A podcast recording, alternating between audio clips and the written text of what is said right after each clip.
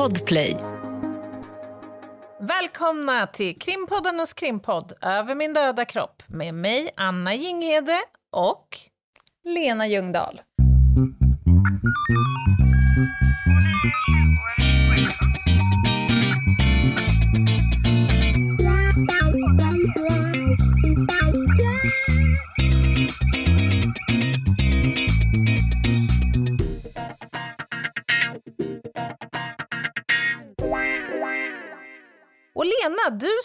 Hemma i din bostad på din kontorsstol. Du är inte ute på vift idag. Nej, trot eller ej, jag är på plats. Du har varit så att säga svårfångad sista veckorna, kvällstid och sådär. Det har flängts. Det har flängts. Ja, men eh, ja, och igår, eh, onsdag, så kunde ett av mitt eh, resultat av ett flängs eh, höras, som det Av ett heter. Flängs. Ja. Ja. höras i P3 Krim igår, som avhandlade ett ämne som vi också ska avhandla idag. Berätta för våra lyssnare vad de ska få ta del av idag. Ja, vi diskuterar ju inte särskilda fall i, detta, i denna podd, om det inte är ett historiskt fall eller någonting annat som vi bedömer kan gå igenom nålsögat. Men vi har väl utgångspunkt i Vetlanda-händelsen, PDV-attacken i Vetlanda. Och varför startar vi där? Vi har ju redan haft två avsnitt om det här. Om... PDV-attacker.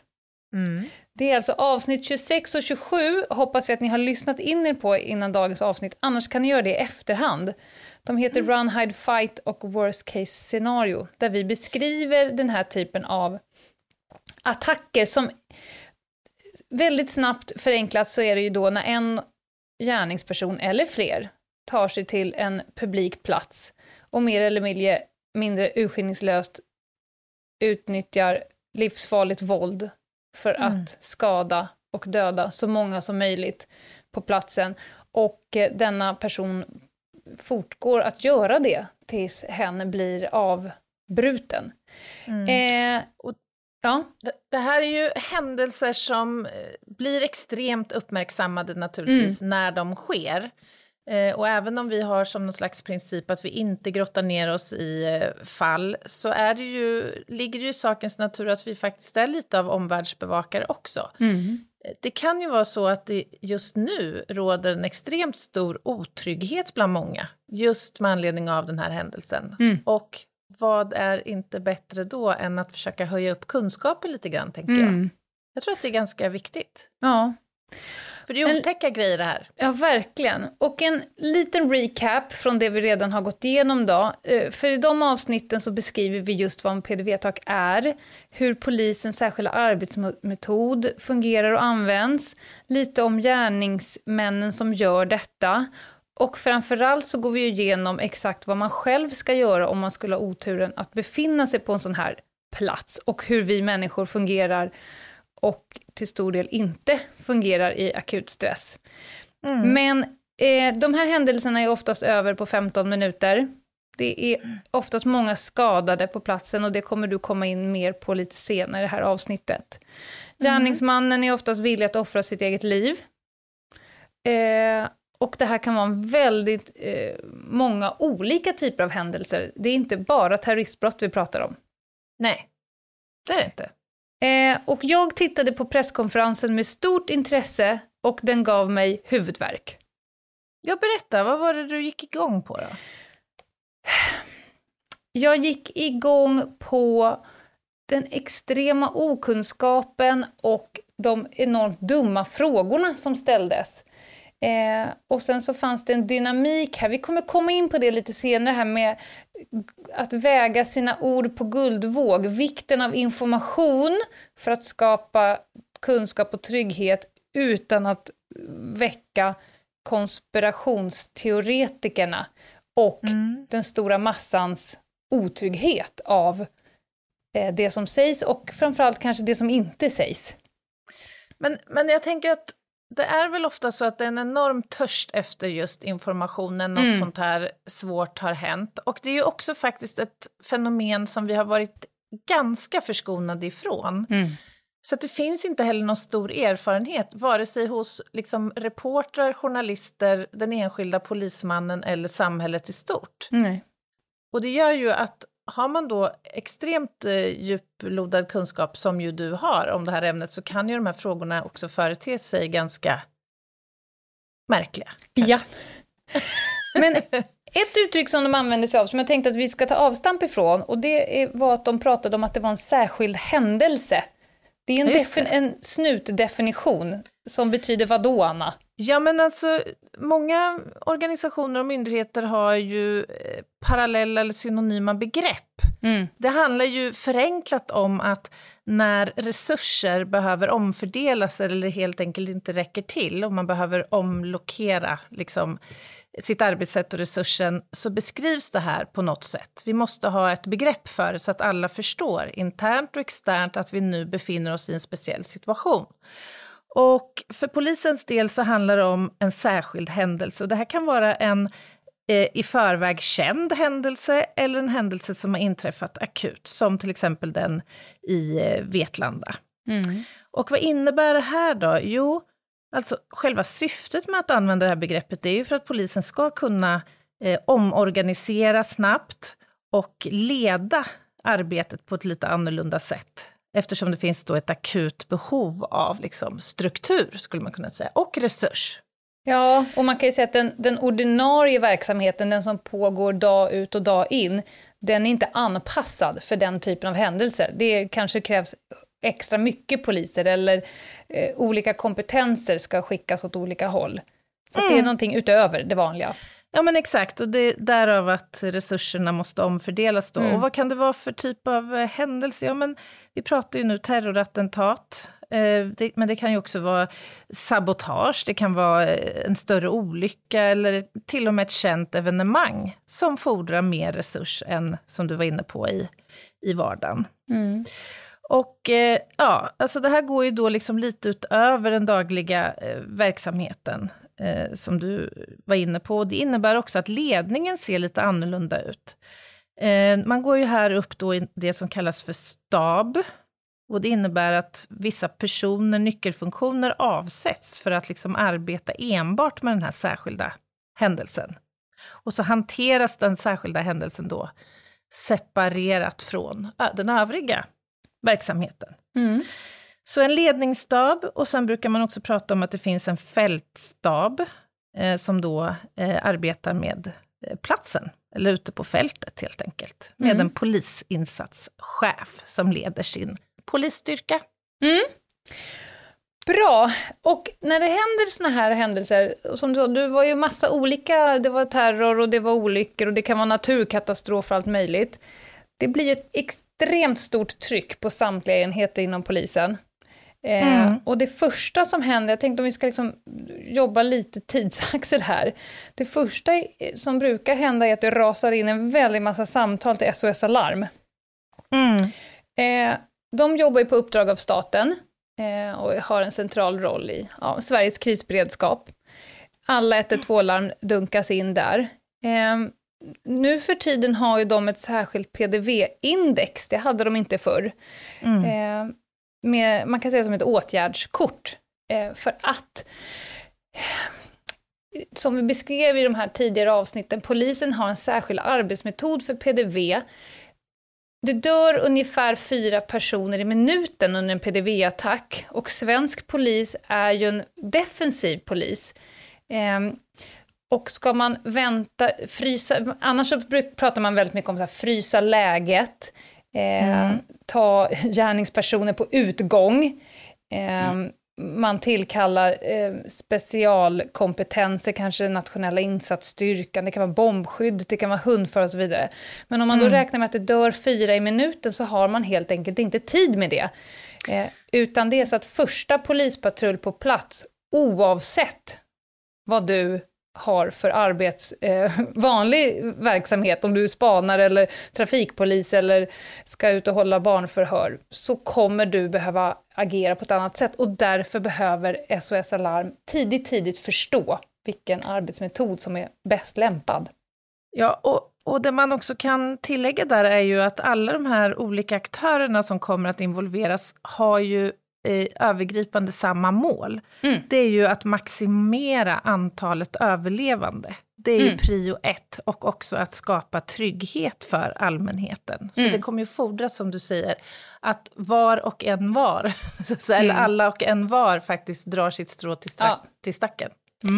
Mm. Det första som händer, om jag tänker på Drottninggatan till exempel, då tror jag, vet inte om jag minns helt rätt, men jag tror att det kom in 280 telefonsamtal till SOS Alarm på 10 minuter. Och det rapporterades mm. in som allt från trafikolycka till, eh, ja, till terrordåd och allt däremellan. Det de gör då, det är att de fastställer vad det är som händer, var någonstans det här händer och vilka som berörs.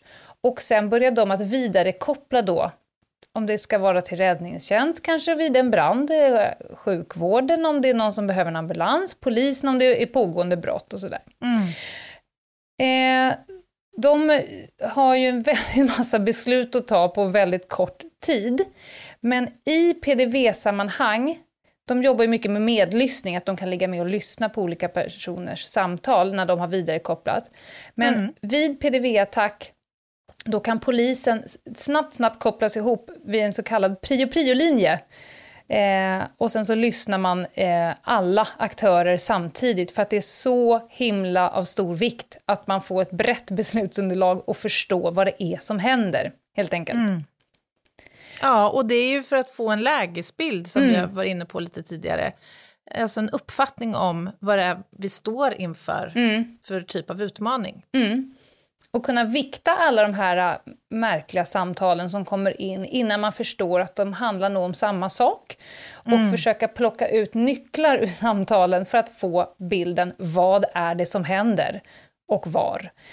Eh, det är också ett stort tryck, det blir ett stort tryck på alla. Ni vet ju själva vid Drottninggatan, det gick ju inte att komma ut på någon form av kommunikationssak eh, sak. det gick inte att ringa. Det var kaos på radio, på tv och överallt. Ja, alltså man kan ju få känslan av att det är alla de här blåljusaktörerna i första hand som det är tryck på. Men det är ju så, och det, det är det ju, men det blir, mm. uppstår ju också någon form av kaossituation eh, till följd av att det är många anhöriga här som vill veta vad mm. som händer. Mm. Du, du, har media som snabbt sluter upp, du har allmänhet som kan finnas på platsen och är orolig och undrar. Alltså det är, ja, det är en ganska grandios eller delikat uppgift liksom att hantera all denna förväntan som mm. finns första tiden efter den här händelsen. Mm. Det har ju tillkommit ett nytt nummer på senare år. Till, bredvid 114 14 så finns det ett nummer som heter 113 13, som är det nationella mm. informationsnumret. Eh, där samtalen dit eh, har ökat rejält. Känner folk till det här numret? Jag tror inte det. Men ja, Nej. tillräckligt många eftersom det i alla fall ökar samtalen. Ja, men för jag blev lite intresserad när du sa mm. det. För att min uppfattning var att det är ett nummer som inte är känt för den stora massan. Nej. Men det är ju intressant då. Ja. ja. Eh, och det, det används ju framförallt vid större olyckor och kriser för att söka information. Och det handlar ju väldigt mycket om att avlasta 112 och 114 14 mm. för att söka information. Eh, det, trycket på det här numret ökar ganska mycket nu under corona. Eh, mm. Så de bistår med ganska mycket information där. Men PKC ju, har ju också en viktig aktör och det är ju polisens kontaktcenter. Mm. Eh, om de får in samtal mm, där de får känsla av PDV, först ska ju personal utses, det ska börja styras information till höger och vänster och man upprättar en så kallad krislinje. Och i det här fallet så skrivs allt ner, det vill säga de värderar inte utan de skriver ner allting för att återigen, alla nycklar är viktiga för att kunna avgöra vad är det som pågår och sen skickar de vidare det. Mm. Eh, i de här fallen, du liksom jag, liksom alla som har jobbat polisiärt, vet att när någonting som här inträffar, då blir det väldigt mycket lag efter läge. Det finns mm. ingen som har all information. Det kommer vara kaos, det kommer vara tidsbrist, eh, ingen sitter på rätt information, lägesbilden förändras hela tiden och ändå så tvingas du ta konstanta beslut i varje skeende vad, vad som är rätt sak att göra. Eh, mm. Eh, och då krävs det att man har en ganska stor portion trygghet och initiativförmåga eh, för att faktiskt eh, jobba på, trots att du inte riktigt vet vad det är som sker eller vad som är rätt. Samtidigt mm. som du har ett enorm press utifrån att tala om för andra vad som är rätt. Det slår mig nu att det är ett hyggligt stort ansvar som, vi, eh, som vilar på polisinsatscheferna här. Ja. Eh, alltså att leda en sån här operation inledningsvis måste ju vara enormt mm. utmanande. Mm. Och ställa höga krav på det där, att liksom förmågan att, att fatta beslut snabbt ja. utifrån ganska bristfällig information många mm. gånger. Bra eh, ingång, Anna, för jag tänkte vi skulle prata lite om de generella riktlinjerna som polisen jobbar efter i de här händelserna. Det första är ju precis det vi har varit inne på, att kommunicera. Att försöka med alla medel skapa en gemensam lägesbild. Information mm. som du har måste vidare till de som ska fatta beslut eller de som kan ha nytta av informationen. Och det är jättesvårt och utmanande att själv vara stressad och pressad mm. eh, och att kunna värdera informationen du får ta till dig. Det kan vara från ett vittne, det kan vara saker du ser, det kan vara saker du hör. Eh, att kunna värdera det och så skicka vidare det för att någon ska kunna ta adekvata beslut. Och i de här situationerna, jag menar, tänk om du eh, åker i din polisbil, du får larm om att det pågår en PDV-attack, du rusar dit. Det är inte någonstans i den här kedjan läge att börja eh, skicka över bajsmackan på någon annan, utan du kommer i sekund operativt behöva ta mm. massor beslut längs vägen. Så om första punkten var kommunicera, andra punkten agera, och då är det mm. agera mot gärningsmannen. Tänk som du sa, att minimera antalet skadade och döda, det är den absolut högsta prioriteringen här. Så att få stopp på attacken, för en PDV-attack kommer att pågå tills gärningspersonen blir avbruten och konfronterad. Mm. Och därefter direkt börja tänka bevissäkring och lagföring. Och det här mm. kräver att du är både initiativrik och också trygg och trygghetsskapande samtidigt. För att det ska liksom avbrytas en attack och sen ska du direkt kunna bevissäkra och lagföra och kanske rädda liv då parallellt med vänstern. Det är stora ja. krav.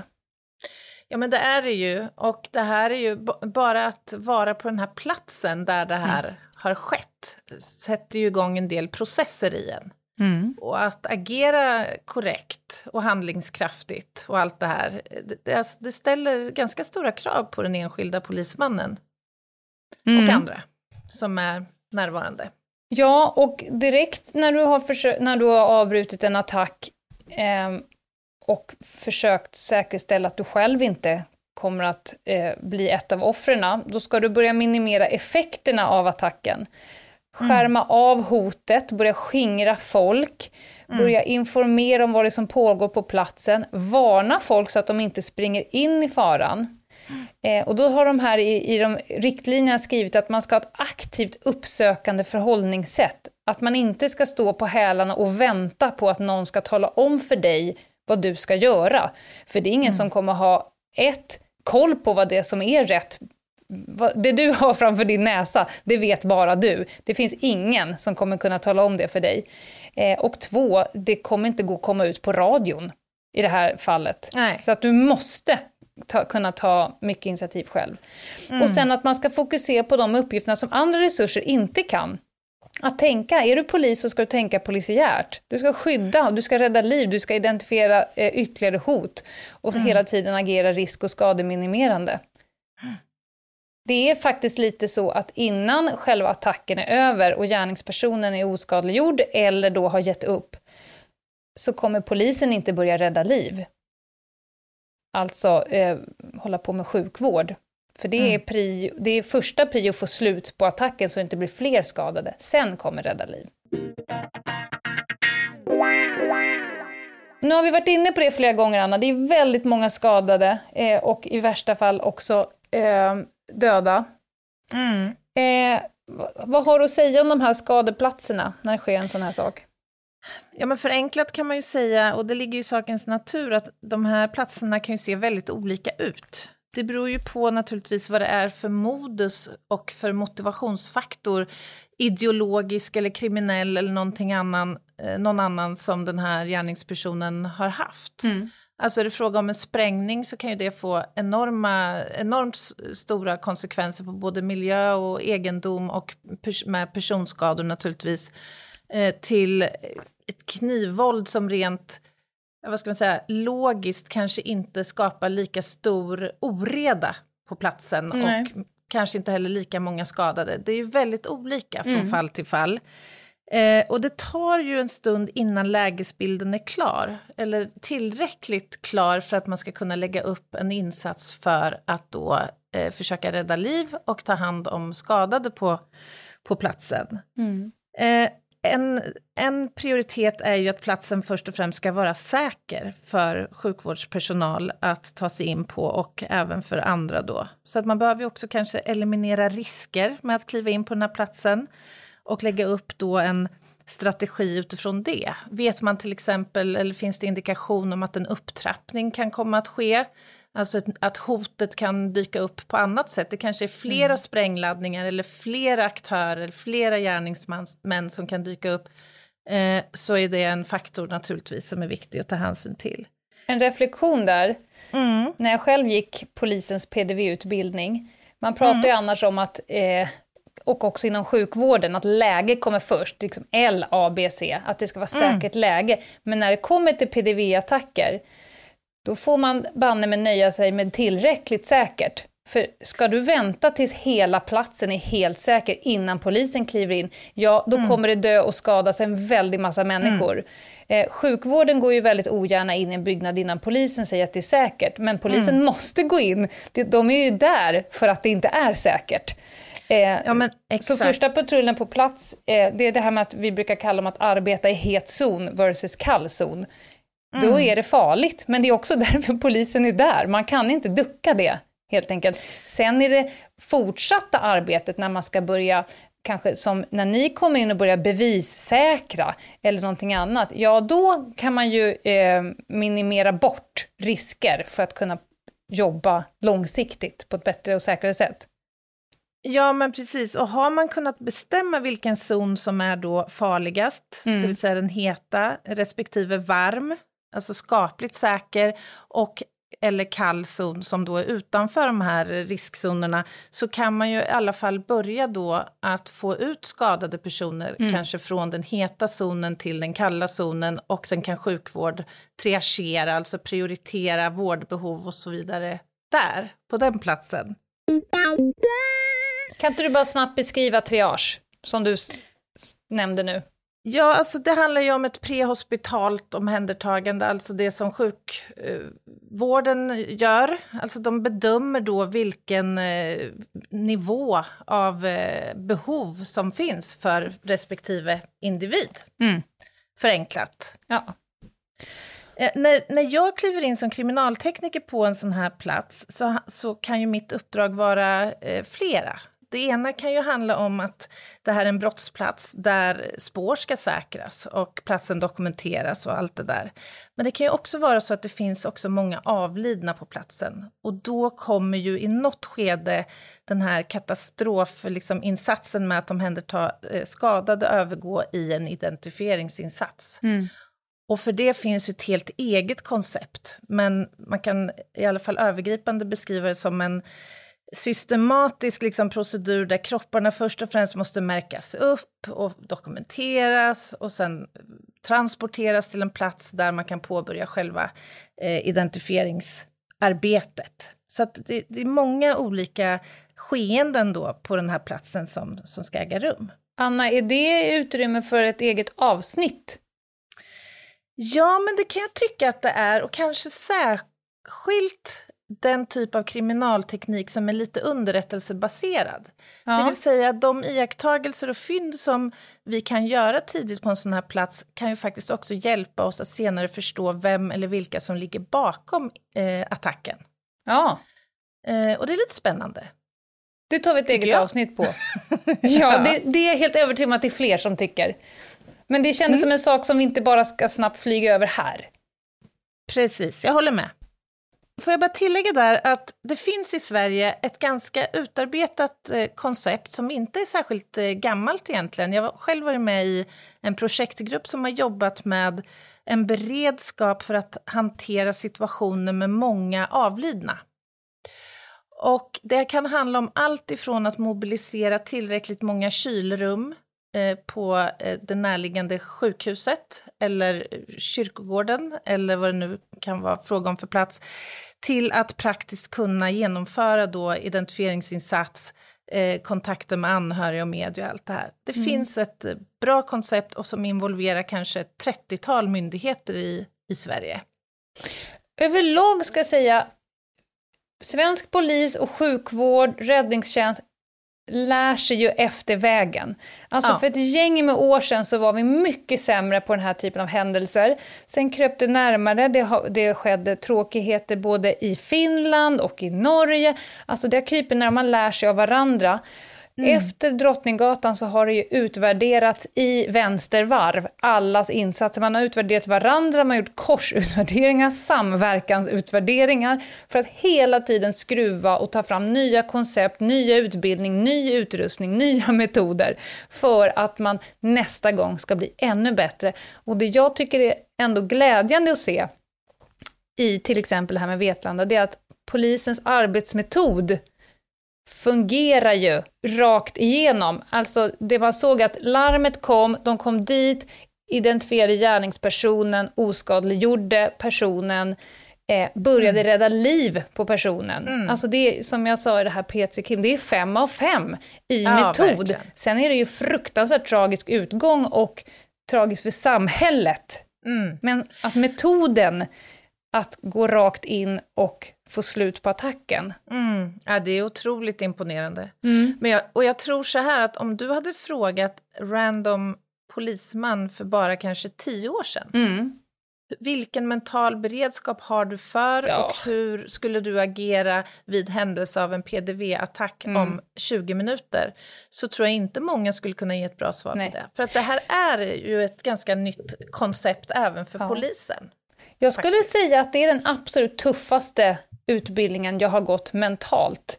Eh, ja, och vi var inte alls överens i det där rummet vid första lektionstillfället, när någon sa att om någonting farligt sker så ska du rusa rätt in, förbi, för annars så lär man sig som polis att man går aldrig förbi ett osökt utrymme för att man ska ha fri mm. reträttväg. Man ska veta att bakåt är det säkert. Här är det tvärtom. Öppna dörren och kuta allt vad du kan fram till en fara. Du vet inte vad faran är. Det kan vara kniv, mm. det kan vara skjutvapen, det kan vara eh, höghastighetsvapen, det kan vara bomber, men spring nu dit mm. och ta till dig all uppmärksamhet och se till att den här attacken avbryts. Jag var inte helt övertygad om jag tyckte att det var en bra idé. Det kändes som att det var dagen man vill vabba och gå hem.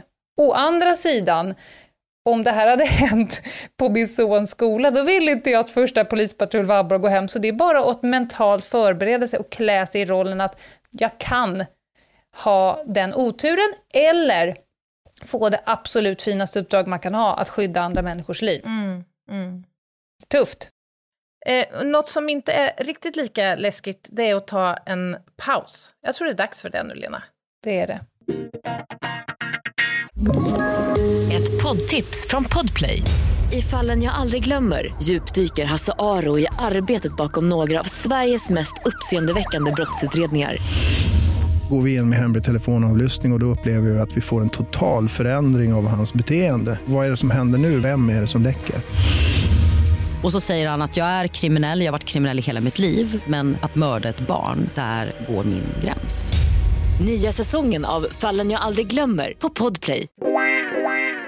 Ja, välkomna tillbaka. Ni lyssnar på avsnitt 111 av Över min döda kropp. Vi pratar idag om PDV-händelser. Um, Lena, du var ju inne lite grann på det här om all information som nu kommer att flöda fram och tillbaka under den här eh, arbetet med här, en sån här attack. Mm. Kan du inte berätta lite grann, hur ska man hantera, eller hur kan man hantera eh, informationen och undvika att information blir desinformation? Mm. Ja, första ledet så är det ju all information som flödar mellan de som jobbar och att kunna dela den informationen och det vi har varit inne på att man ska ha en uppdaterad lägesbild. Jag tror att man bara snällt får räkna med kaoset. Man får nog bli mm. kompis med kaoset. Jag tror att man kommer bli skitfrustrerad om man inte får kärnfull, riktig, vidimerad information vid rätt tillfälle. Det tåget har gått när det är PDV-attack. Men pratar du nu om det inledande skedet eller liksom är vi nu ändå i ett skede där man kan tänka sig att man i alla fall har fått en klarare bild om vad som har inträffat? För om jag utgår från mig själv då när jag har jobbat i identifieringsdelen i en sån här, vid en sån här händelse så har jag själv ibland kunnat känt stor frustration över att inte få liksom svar mm. tillräckligt fort så att jag vet hur jag ska liksom komma vidare med en viss mm fråga. Så tålamod är ju verkligen mm. en faktor här. Ja, jag, jag pratar nog både in, initialt, som polisen gärna säger, men jag tror att initialskedet när det kommer till informationskaoset stretchar nog ut sig rejält när det är PDV-attacker, för det är så mycket information och så många aktörer inblandade. Så att precis som du säger, som enskild eh, anställd får man nog bara sitta still i båten och eh, tänka att jag får nog till med det jag ska och fram tills dess får jag jobba på efter eget huvud. Men jag tror att det finns ett samband mellan eller vad ska jag säga, så det som ligger i naturen här är ju, i alla fall, och jag hoppas att du, eller jag tror att du delar erfarenheten, när något sånt här händer så vill väldigt många snabbt hjälpa till. Mm. Det blir ett engagemang ja. hos ens kollegor som man aldrig förr har sett. Mm. Och det är ju egentligen något väldigt, väldigt positivt. Men det fordrar ju då att man har liksom en ledningsstruktur här som fungerar bra. Ja, ja, det är positivt, men det är inte alltid enkelt. För det kan jag säga efter de här skolattackerna som har varit. Det är så många eh, hjälpande och stödjande eh, instanser i all välmening som hör av sig, så det blir sånt fruktansvärt tryck på mm. de drabbade. De behöver avsätta bara personer som kan hantera alla som vill hjälpa till. Jag menar varenda eh, människa på semester som har någon form av vårdkunskap rusade ju till mm. sjukhusen och ställde mm. sig i kö. Någon måste börja hantera allt det här. Så att det är välmening, men ibland kan det bli ännu mer kaos mm. av det. Men nästa steg är nog det som jag kanske fick uh, huvudvärken av när det kom till den här presskonferensen. När media drar igång, Ehm, alltså viljan, då hade de bullat upp presskonferensen. Det var varenda polis med många streck på axlarna satt ju uppradade där. Mm. Eh, och jag tror att det är en clinch mellan, alltså viljan att, att, viljan att ge info mm. står i direkt konflikt med att inte kunna ge info på grund av två saker. Ett, det är en förundersökning som pågår och mm. den går före eh, journalisters vilja att få svar. Mm. Det är oerhört sekundärt. Och två, det finns ingen information, eh, kanske i ett tidigt skede. Alltså mm. vi vet inte än. Jag, menar, de, jag tror att det var 400 journalister som ställde frågan som har att göra med motivet. Och mm. här vill jag återigen sträcka ut allvarsfingret. Alltså motivet till en sån här typ av händelse, det får man aldrig reda på förrän en bit in i utredningen. Man mm. behöver göra IT-forensiska undersökningar och man behöver kartlägga den här personens sista tid i livet och vad den har gjort under dagen. Så att tro att någon dag två ska kunna kasta ur sig en motivbild, det är ju bara taget rakt ur luften i så fall. Mm.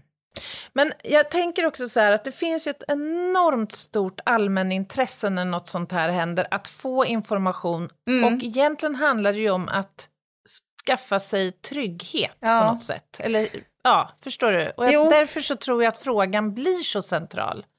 Ja, men jag tänker, alltså motivet, och, och, det var vi inne på de här tidigare avsnitten, vad du ska göra om du skulle ha oturen att befinna dig på en sån här plats, det har ingenting med att göra motivbilden. Alltså, Nej.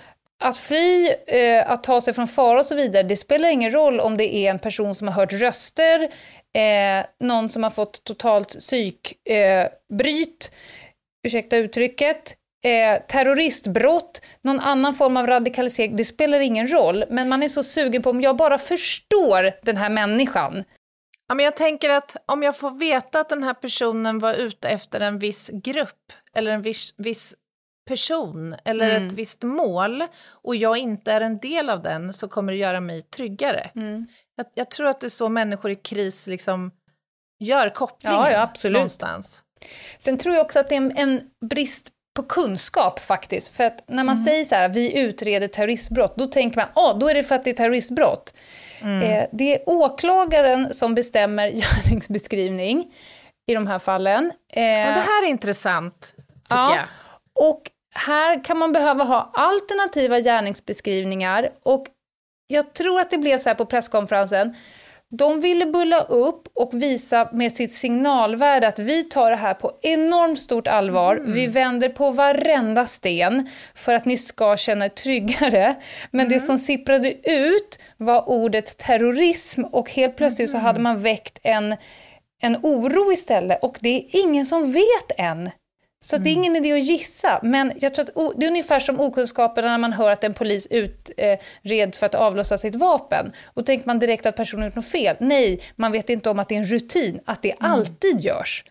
Alltså man kommer alltid i en PDV-attack ha terroristbrott som en tänkbar motivbild, precis som de garanterat utreder hatbrottsmotiv eller något annat motiv. Men får jag fråga då, eh, om vi ändå kan referera till Vetlanda-händelsen som ju är känd för de flesta rent så här övergripande. Mm. Vad har man som åklagare att välja på då? Alltså, vad skulle man kunna tänka sig att rubricera en sån händelse som? Ja, men, alltså om vi ska ta terroristbrottet, det är, en, det är en, e- ett eget brott. Och rent ju- juridiskt, rekvisitmässigt, så är det, då ska man då ha begått en gärning och så finns det uppradat en väldig massa gärningar. Till exempel mord, dråp, grov misshandel, mordbrand, grovt dataintrång. Det finns massa olika brott uppradade på en lista. Om gärningspersonen har begått en av de gärningarna och den allvarligt kan skada en stat, det är det första. Det måste vara uppfyllt. Och, nu kommer det här, avsikten med gärningen ska vara en av tre tänkbara eh, grejer. Och det första är att det ska injaga allvarlig fruktan hos en befolkning. Avsikten med gärningen ska vara det. Eh, Inte bara att det råkar bli så, att det injagar fruktan i en hel befolkning, utan avsikten ska ha varit det. Avsikten ska ha varit att otillbörligen tvinga offentliga organ att vidta åtgärder eller att avstå att vidta åtgärder. Eller den sista då, då att allvarligt destabilisera eller förstöra grundläggande politiska, sociala strukturer, ekonomiska strukturer i en stat. Alltså om det här är inte uppfyllt, då kan det inte bli terroristbrott. Det är som alla andra lagar som vi har, eller brott, så måste rekvisiten vara uppfyllda. Så till exempel om man jämför Drottninggatan som blev terroristbrott, för det här var uppfyllt, Rakhmat Akilov. Om man jämför det med skoldådet i Trollhättan, där man också utredde terroristbrott. Precis som man gör i Vetlanda och som man gjorde i Drottninggatan och andra PDV-attacker. Men där föll det, där höll det inte. Det kunde inte bli terroristbrott. Så där blev det mord med hatbrottsmotiv istället. Så åklagaren har liksom massa, de får sig först titta på grundgärningen. Ja, x antal personer är dödade, det är mord. Eh, och sen se varför. Och så får man då gå in på de olika lagstiftningarna och se. Hatbrottsmotiv, då kan det vara då ett angrepp mot mänskliga rättigheter. Alltså om gärningen utförs för att personen har eh, en eh, vad säger man, negativ inställning då till någons ras, hudfärg, trosbekännelse, sexuella läggning och så vidare. Så bara för att ni hör, plockar upp ord i liksom mediaflödet, så är det bara ett uttryck för att det här är någonting som kommer utredas. För att man behöver få reda på motivbilden för att kunna sätta rätt eh, lagrum på personen. Just det. Men lägg inte för mycket vikt vid motivet för tidigt, är mitt stalltips. Hur ska man agera då om man har varit nära och exponerats i värsta fall för händelsen? Ja, alltså det här är ju... om jag bara ser till Stockholm efter Drottninggatan, alltså det Mm. är ju nästan så att folk blev osams om huruvida det var rätt att ta sig till platsen för att visa att vi som samhälle inte låter oss tystas, versus den enorma skräcken. Alltså jag har ju fått lotsa människor på Drottninggatan nu, alltså flera år efteråt, som fortfarande inte har vågat sig dit. Så det är enormt individuellt, men eh, grunden är ju att inte vara ensam, att prata om det, att söka hjälp om man behöver och att göra det som känns rätt. Eh, man behöver inte delta i någonting som inte känns rätt. Nu är det ju så här att en del av terroristbrottslagstiftningen var att injaga fruktan i en hel befolkning. Alltså, om de lyckas med att polarisera oss, att göra samhället mer hatiskt, att man vill börja instifta, och det är ju det som en del av terroristbrott, att man börjar tvinga stater att börja eh, instifta nya, hårdare regler mot olika saker för att man är rädd för vissa eh, människor, då har de ju lyckats. Så jag gillar ju tanken på eh, att inte låta skräcken sippra in och inte göra den så att vi blir mer polariserade. Men förväntansbilden på sig själv får inte vara för stor eller för hög. Du har ju eh, man ska vara väldigt ödmjuk och snäll inför sig själv och sin egen rädsla efter något sånt här. Men efter, jag har ju fått coacha kompisar som bara, nej, nu tar jag man och barn och drar till en ö och sen bosätter jag mig där och äter kottar resten av livet, för att livet är för farligt. Det är ju inte baserat på fakta, men det är en väldigt reell och eh, sann känsla. Ja, och kanske är det just det som behövs också i en sån situation, Mm. tänker jag. Alltså få fakta Mm. och, och förstå att Sverige är ju trots allt en väldigt, väldigt trygg plats. Verkligen. Det här är ju trots allt ett udda fenomen som vi har varit ganska förskonade Ja. från, trots allt. Man ska inte lyssna på de som skriker systemkollaps. Nej, det ska man inte göra. Nej, Det ska man inte göra. Men vad tror du då om rådande coronapandemi? mm. Det har ju pratats lite om det här. Mm. Jag tror du nämnde till och med att den här typen av händelser har sjunkit nu. Ja. Eh, man kan se till exempel i USA, där det har varit nere på, jag tror att det är 63 dagar som har eh, löpt mellan varje skolattack i snitt i USA. Det har inte Vänta, varit... vänta, vänta, vänta, vänta, vänta, som du brukar säga. Mm. 63 dagar, Var 63 dag. en skolattack ja, i USA. ja. Hörde du mitt 63 Jag är väldigt nöjd med just det. Att du inte, att du inte högg, du som brukar vara så himla korrekt. Du var så chockad av informationen, Anna. Ja, men jag kan inte ta in det här. Nej, jag Alltså, vet. Det är helt sjukt. Eh, det har ju väldigt mycket att göra med deras vapenlagar, såklart. Men även i andra delar av världen så kan man se att med corona så har den här typen av händelser gått ner av den enkla anledningen att folk är hemma, det är inga barn i skolorna.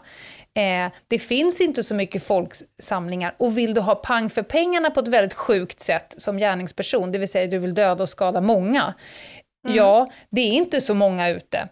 Däremot, och det här är inte på något sätt eh, befäst i några studier eller forskning, det är min absolut eh, egna farhåga. När man trycker på här sen knappen och skickar tillbaka folk, och då kanske man är ännu mer lider av psykisk ohälsa, man har varit ännu mer isolerad, ännu mer social utsatthet, ännu mer polarisering, för att vi har ju liksom suttit hemma var och en för sig, så är jag lite orolig för vad som skulle kunna komma skall. Ja, du tänker att den här typen av händelser skulle öka då till följd av en eventuell ökad mängd eh, människor med, med psykisk eh, ohälsa? Alltså jag vill inte dra för stora växlar, men ja, det är inte helt otänkbart att nu, för vi, det, vi har ju sett att folk mår sämre. Det har ju pratats lite om att vi offrar liksom en, nästan en hel generation som inte får gå i skolan och som får vara hemma och hemmet är inte tryggt för alla och så vidare. Tillbaka till, och nu... Eh, till ändå någon form av normalläge som är ett nytt normalläge i alla fall. Eh, och nya eh, möjligheter för PDV-attacker. Alltså Mm. redan innan corona, jag är helt övertygad om att vi inte sett den sista PDV-attacken i Sverige. Det här kommer Nej. fortsätta. Naturligtvis inte. Men jag blir ändå lite nyfiken, för sett till alltså, kriminologisk teori Mm. och hur eh, brottslighet brukar bete sig, så brukar man ju se att om man jobbar till exempel med hotspots, alltså man Mm. jobbar väldigt mycket brottsförebyggande på en plats, Mm. då brukar man kunna se att brottsligheten flyttar sig. Ja. Och det skulle man ju kunna tänka sig här också, om inte längre vissa arbetsplatser eller skolor är targets, så borde ju den här typen av händelser i då USA förflytta sig till andra Ja. platser, skulle Ja. man kunna tänka sig. ja, grejen är väl bara att det är väldigt få folksamlingar Överlag. ja. överlag. Eh, Det men på när det... sjukhusen möjligen. Vad sa du? Sjukhusen är väl utsatta Ja. kan man tänka sig. Ja, och sjukhusen har absolut eh, tankar på PDV-attacker. Mm. Eh, ja, det, vi får se, men, men var och en, ni som nu går runt och känner extremt otrygga, för det här går ju inte att skydda sig mot, det är det som är så hemskt. Du kan ju inte låsa in det hemma, dessutom är hemmet kanske den farligaste platsen var på av alla.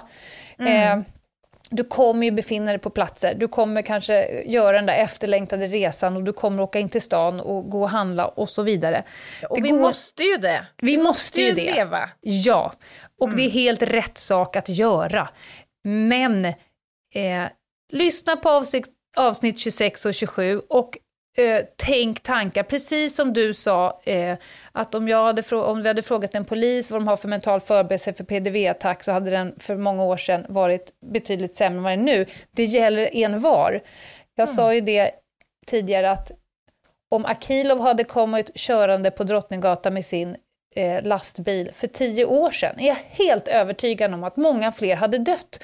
Av den enkla att nu när bilen kom så har vi en snabb referenspunkt till olika PDV-attacker runt om i världen. På strandpromenader och på julmarknader och på gator och torg. Så att våra hjärnor säger det här kanske är skitdåligt, jag flyttar på mig. Den tanken kom mycket tidigare. Så att vi, varken vi vill eller inte, så blir vi mentalt förberedda för den här typen av händelser.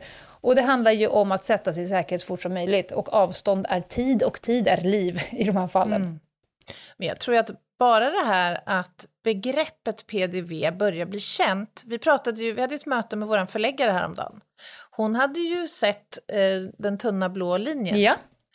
och eh, förstod då när de pratade i termerna PDV-händelse. Hon Mm. återkopplade det till oss att hon hade lärt sig det eh, Mm. ifrån podden. ja. Så att, eh, ja, och det är också ett sätt att faktiskt lära sig och förstå Ja. vad det handlar om. Vi har ju fått extremt mycket frågor vad vi tyckte om den eh, Mm. scenen. Om jag bara ska ta den lite snabbt, nu kanske det blir spoiler för de som inte har sett serien, men det, de utspelar en PDV-attack i en skola.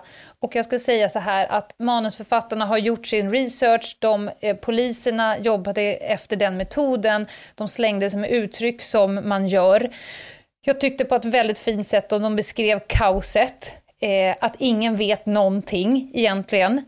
Eh, Utan man agerar utefter det man har framför sin näsa och responderar på det. Eh, så att, eh, nej, jag, jag, jag tyckte att den beskrevs bra. Det var ju en inte så himla stor och läskig gärningsperson. Det var ju en väldigt ung pojke med ett stort stickvapen där. Men, Och sen så var det också liksom, ingrediensen av sprängmedel. Apropå sprängmedel, Anna, visst ska vi ha ett bomber och granatavsnitt? Ja, men det tycker jag. Det kliar lite i fingrarna få... Dynamit-Harry vaknar. ja, Nej, men verkligen. Till exempel PDV-attacker, det absolut farligaste och det som dödar många, det är ju eh, splitter, förutom själva vapnet som gärningspersonen har. Jag kommer ihåg på PDV-utbildningen så lärde vi oss poliser att vi ska veva ner rutorna. Man tror att man Ja, sitter det. skyddad i radiobilen bakom glaset. Nej, nej, veva ner rutorna så att de är öppna. Det är ett skydd i sig.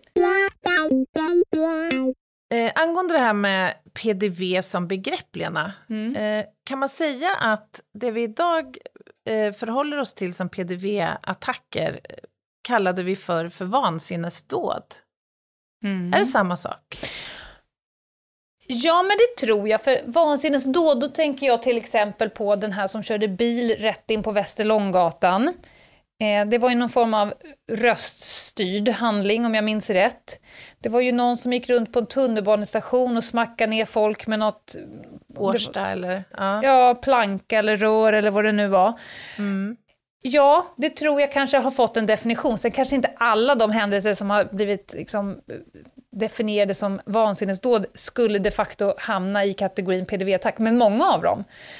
Det är ju Men- liksom en kategori som går utöver, för att skulle någon kliva in på en arbetsplats och ta chefen i gisslan eller någon ska gå in på skola ut efter en viss person, då är inte det en PDV-attack, utan det är det här urskillningslösa skadandet och dödandet som pågår ända tills jag är avbruten. Det, och det är inget nytt. Nej. Det är bara Nej, men det är det jag menar, Mm. att fenomenet har ju funnits. Ja. Det är bara det att vi förhåller oss till Ja. det lite annorlunda. Och jag tror ju att det till stor del har att göra med liksom, terrorsituationen i Mm. världen. Att vi har blivit mer bekanta Ja. med begreppet och kan liksom ja, korrelera det här till saker på ett nytt sätt. Och, och PDV-attack, eller PDV-begreppet innefattar ju inte bara terroristbrott. Jag tror att folk har förstått det nu, att det kan ju vara skolattacker, det kan vara hämnd, eh, mot, sina gamla, mot sin gamla arbetsplats, det kan vara relationsbaserat, psykisk ohälsa. Oavsett så ska du göra samma sak om du nu skulle ha oturen att vara där skiten slår i fläkten rejält. Då så, tack snälla Lena. Eh, jag har lärt mig jättemycket nytt om eh, den här företeelsen. Och jag tror att det här har väckt tankar hos många av våra lyssnare. Men nu vet jag att du har något väldigt eh, spännande på gång. Är det så att du ska bjuda oss på en rövhatt idag? Yes, det är en aldrig sinande källa av idioti som jag plockar ur, så det kommer att bli en rövhatt även idag. Men först Anna, är det någonting du vill säga till våra lyssnare? Ja, men ska vi passa på att bjussa på lite, som du brukar kalla det, samhällsinformation? Inte alls högtravande. Nej, men så här va, vi välkomnar ju alla våra lyssnare till Instagram.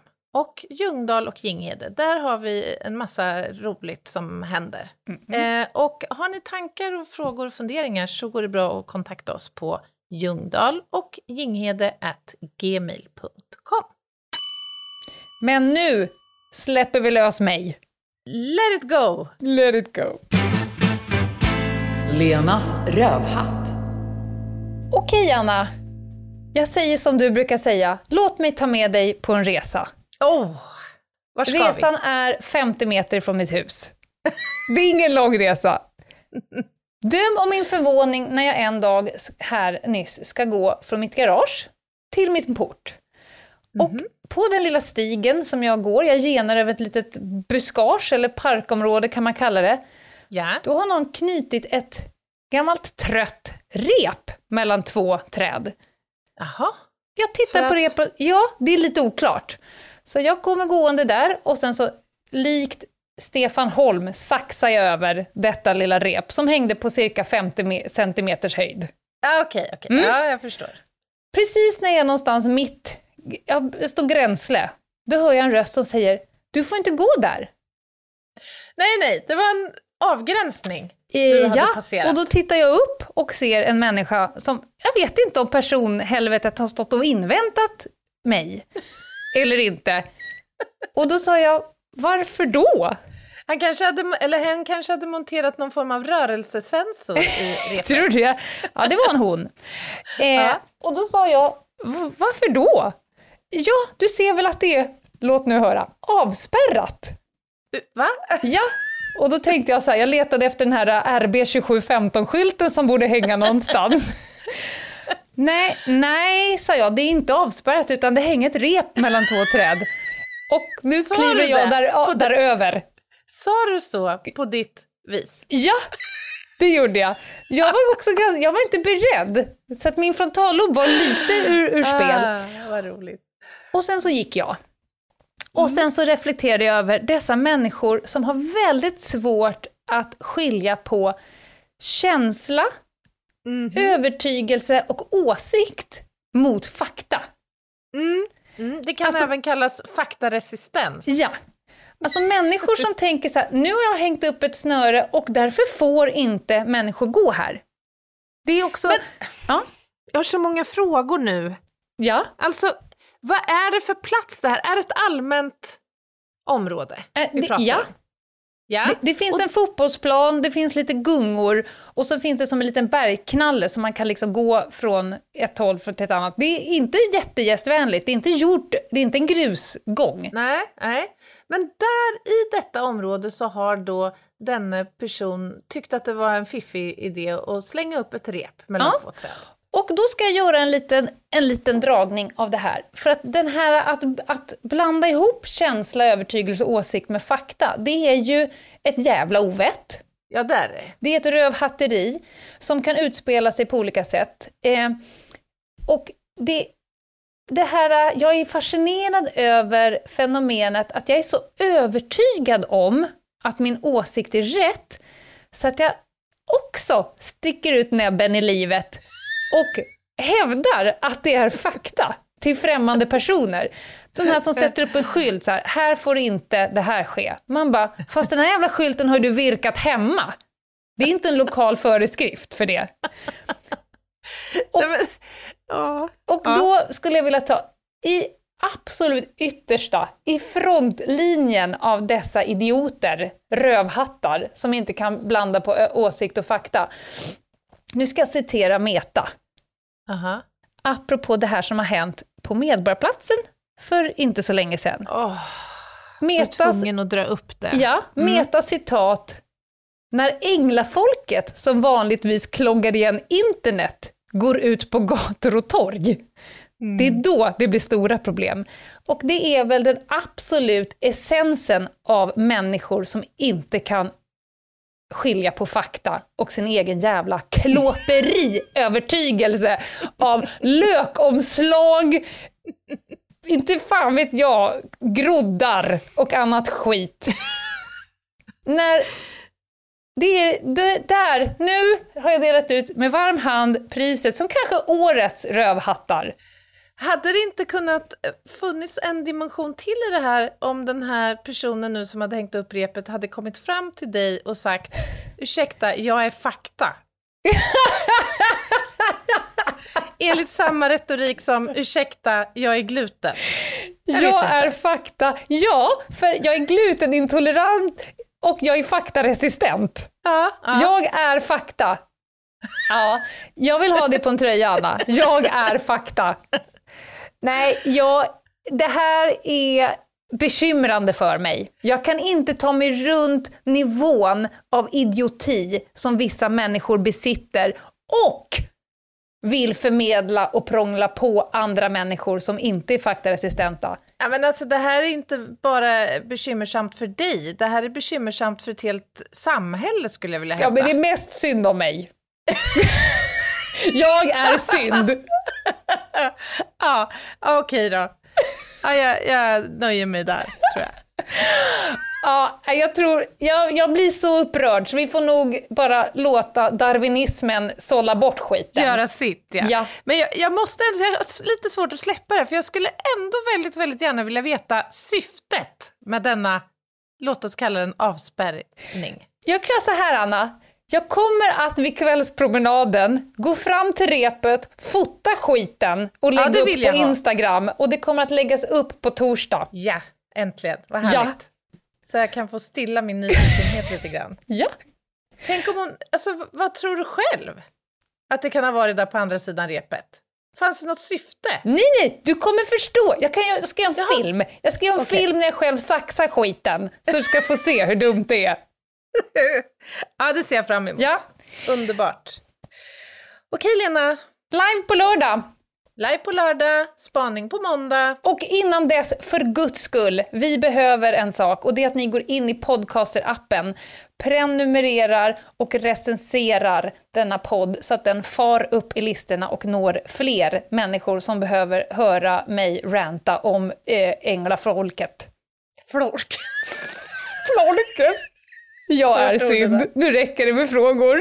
Jag är fakta. Bye!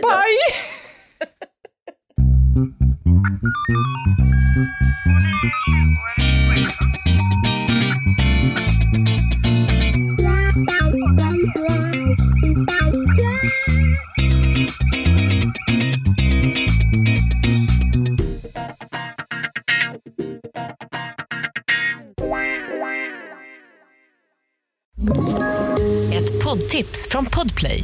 I fallen jag aldrig glömmer djupdyker Hasse Aro i arbetet bakom några av Sveriges mest uppseendeväckande brottsutredningar. Går vi in med hemlig telefonavlyssning och, och då upplever vi att vi får en total förändring av hans beteende. Vad är det som händer nu? Vem är det som läcker? Och så säger han att jag är kriminell, jag har varit kriminell i hela mitt liv men att mörda ett barn, där går min gräns. Nya säsongen av Fallen jag aldrig glömmer på Podplay.